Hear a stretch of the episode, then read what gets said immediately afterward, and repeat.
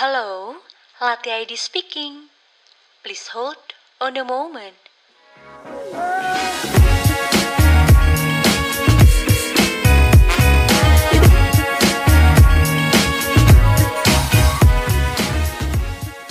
Halo listeners, welcome back to Latte ID Speaking with me Hasna Amirah yang akan menemani kalian di episode kali ini. Kalian tahu gak sih, episode kali ini itu episode perdana kita mengundang tamu dari luar. Tapi nggak sembarangan tamu, beliau sudah punya pengalaman dalam membangun bisnisnya sampai ke mancanegara. Keren kan? Aku kasih tahu ya sedikit tentang apa sih yang dijual, apa sih produknya. Kalian tahu gak sih makanan khas Jawa Barat yang lagi hits banget itu, yang identik banget sama kuah-kuah pedesnya itu. Biasanya kaum hawa suka banget nih sama makanan ini. Nah, hari ini kita kedatangan owner dari Kaila Food. Yes, beliau yang sudah berhasil membawa makanan khas Jawa Barat ke mancanegara.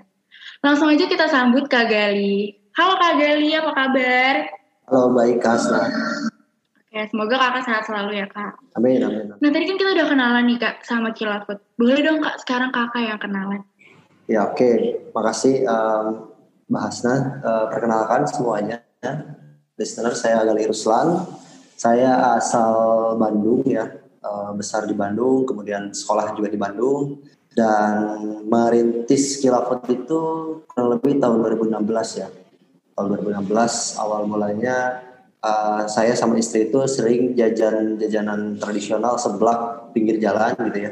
Terus kita upload ke Instagram masing-masing dan di sana respon dari teman-teman kita itu cukup positif dan bikin penasaran gitu ya makanan apa itu terus dapatnya di mana dan lain sebagainya. Nah di situ uh, akhirnya kita kepikiran gitu punya ide gimana caranya ya jajanan tradisional khas Bandung ini bisa dinikmati oleh semua uh, masyarakat di luar Bandung gitu ya khususnya tanpa mereka harus pergi jauh-jauh ke Bandung gitu bisa mencicipi dan mencoba jajanan ini dari rumah. Nah ide ide awalnya itu hanya uh, sesimpel itu gitu sampai akhirnya ya terus berkembang terus berkembang sampai alhamdulillah Kilafud uh, sejauh ini 4 tahun berarti ya perjalanan Kilafud. Tapi itu keren banget loh mas, 4 tahun perjalanan dengan inovasi supaya masyarakat di luar Jawa Barat tuh bisa nyobain kayak makanan seblak kayak gitu-gitu ya mas.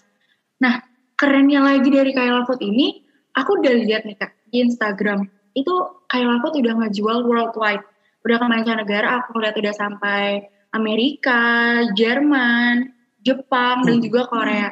Nah aku mau nanya nih kak sama kakak sendiri, apa sih strategi marketing yang kakak lakuin untuk Kaila Food supaya mereka bisa sampai ke luar negeri gitu? Karena itu keren banget sih kan menurut aku. Yang pertama bahwa untuk worldwide ini, untuk ke luar negeri ini uh, dari kita sendiri belum bisa memfasilitasi baik melalui ekspedisi darat, laut maupun udara gitu ya.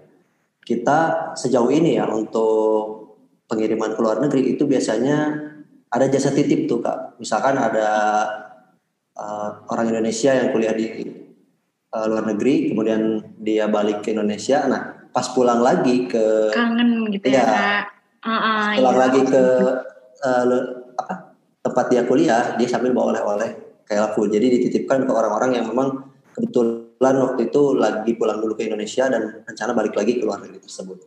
Jadi oh, dari okay. segi Kila Kit sendiri itu belum uh, bisa memfasilitasi secara langsung. Tapi untuk marketingnya sendiri memang yang paling efektif hari ini uh, itu di online ya maksudnya marketing secara digital memaksimalkan semua potensi yang ada di situ itu sangat efektif sekali. Benar sih kak, karena menurut aku juga dengan jasa titip itu emang banyak ya kak yang dilakuin sama uh, owner-owner bisnis yang lainnya, apalagi untuk orang-orang Indonesia yang tinggal di luar negeri itu udah pasti homesick banget nggak sih kak? Iya, Kayak kangen sama makanan Indonesia gitu. Karena kan makanan Indonesia juga terkenal uh, pedas kayak gitu-gitu ya pokoknya appetizing banget. Nah, satu sebenarnya uh, yang menarik ya, yang menarik itu ada sampai orang-orang yang dulunya pernah tinggal di Bandung, entah itu kuliah atau bekerja atau merantau gitu ya, yang dia harus pulang ke kampung halamannya, kemudian nyobain sebelah punya kita di kampung halamannya, ada testimoni yang cukup uh, bikin uh, apa ya so Bikin apa gitu ya langsung naik gitu ya kak signifikan yang naik. uh, lebih ke so sweet gitu ya mereka Oh, mereka oke. bilang mereka bilang makan seblak kayak laku jadi kangen Bandung gitu ya jadi mungkin uh, Aduh. ketika mereka makan seblak itu langsung apa ya Langsung keinget Bandung ya kak. memori-memori dulu waktu dia Iya, di Bandung itu langsung langsung ber langsung bernostalgia gitu ya kak di masa-masa di masa-masa masih di Bandung gitu ya kak. Iya betul. Nah, itu itu sih yang yang paling berkesan ya buat saya ya ketika ada orang yang memang uh, memberikan testimoni seperti itu gitu. Oke, uh, next question ya kak. Kan tadi kakak juga udah bilang nih kalau kakak uh, menggunakan uh, teknologi-teknologi yang udah ada. Karena menurut aku juga nih kak, perkembangan teknologi itu kan akan ter- akan terus maju ya kak, dan tidak menutup kemungkinan kalau masyarakat juga uh, mengikuti perkembangan teknologi. Nah, uh, apa nih yang Kayla Food lakukan untuk bertahan di tengah perkembangan teknologi ini? Oke. Sebenarnya em, kunci untuk bisnis kita bisa sustain gitu ya. Selain dari faktor eksternal juga harus memperhati- memperhatikan faktor internalnya. Apa aja sih faktor internal yang harus kita punya dan perkuat sehingga em, bisnis kita bisa sustain ya. Pertama yang kita akan selalu eh, berusaha untuk perkuat itu dari segi eh, kebersihan. Ini sangat penting apalagi menyangkut makanan ya. Iya, benar, Kebersihan, hygiene sanitasi itu menjadi concern kita. Kemudian yang kedua yang menjadi concern kita juga adalah pelayanan. Pelayanan ini adalah pelayanan kita ke, ke customers ya, entah itu admin kita yang melayani pesanan atau deliverynya yang eh, tidak memakan waktu terlalu lama. Ini juga menjadi perhatian. Kemudian yang ketiga yang menjadi eh, poin penting kita itu adalah dari segi administrasi, maksudnya administrasi itu kerapihannya ya, kerapihan administrasi, Iya. kemudian budgeting dan lain sebagainya itu juga menjadi perhatian. Yang terakhir baru eh, promosi efektif. Nah, em, ketika kita punya internal yang kuat, sehebat apa pun persaingan di luar gitu ya, itu kita insya Allah bisa melewati, eh, apalagi hari ini ya, hari ini tuh eh, Masa pandemi gitu ya di kak?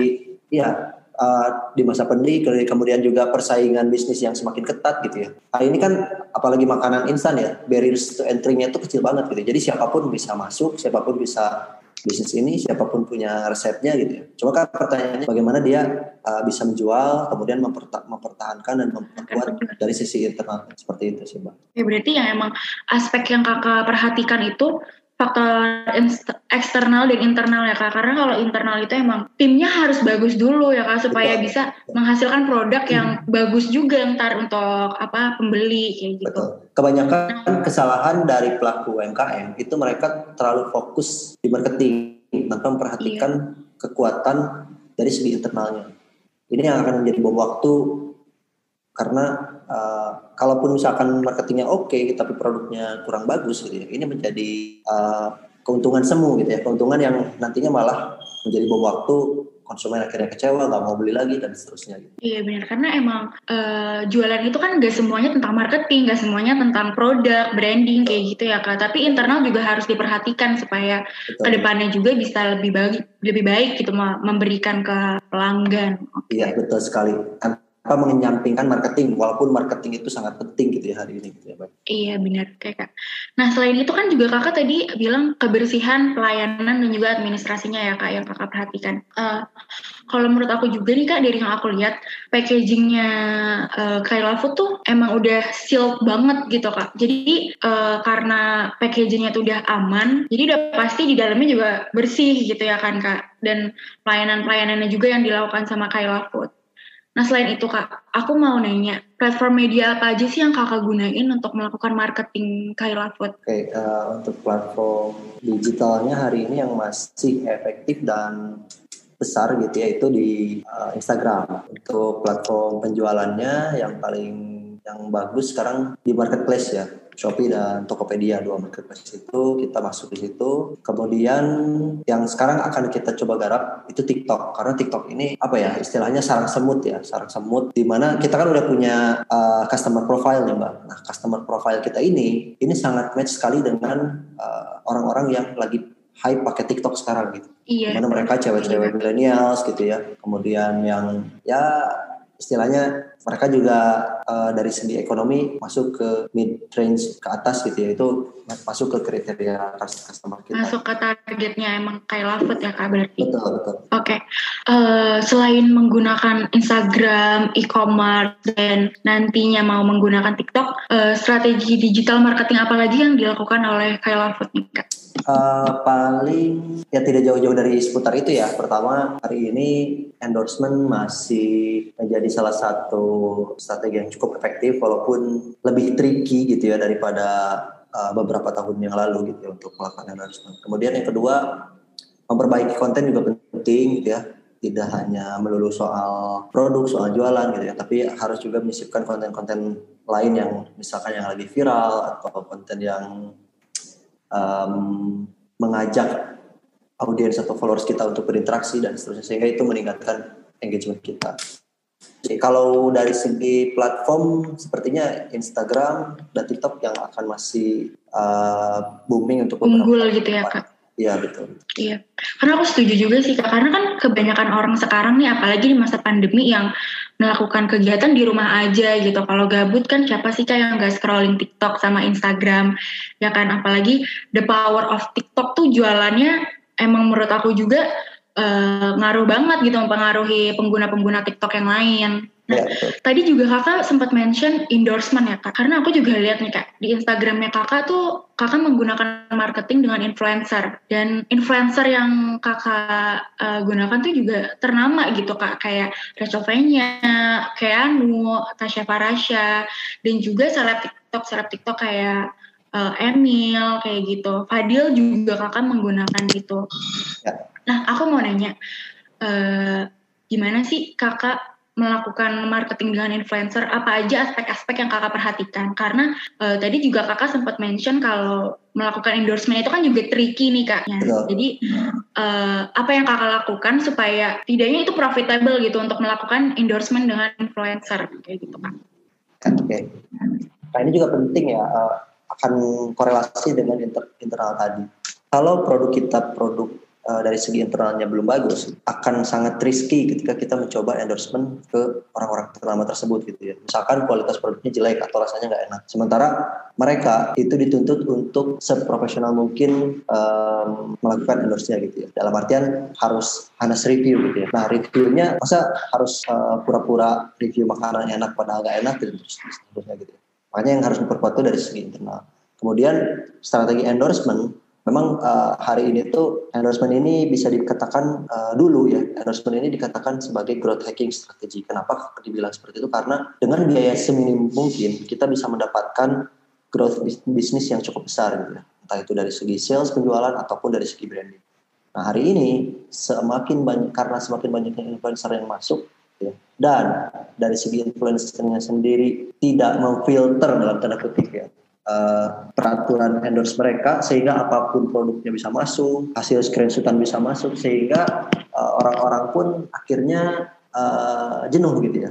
Tiap kali buka Instagram influencer A kok isinya endorse mulu. Endorse-nya pun bukan reviewnya dia gitu ya, tapi screenshotan uh, foto orang lain gitu ya yang dia upload ulang di Instagram. Nah, ini kan menjadi tricky. Makanya hari itu benar-benar milih-milih dan endorsement ini sifatnya memang trial and error ya. Kita nggak bisa terlalu apa ya terlalu detail minta insight ke mereka gitu ya. mereka pun rata-rata sedikit yang ngasih insightnya jadi kita benar-benar harus trial and error uh, tentu dengan pertimbangan-pertimbangan ya tidak yang tidak asal tembak tidak asal milih gitu ya pakai analisa sendiri kalau menurut kita ini efektif ya kita coba dan kita pun mulainya itu tidak langsung ke uh, apa namanya influencer-influencer ternama gitu ya. kita dari nano dulu nano influencer micro uh, influencer sampai ke makro influencer. Itu sih mbak. Jadi bertahap ada ada tahapannya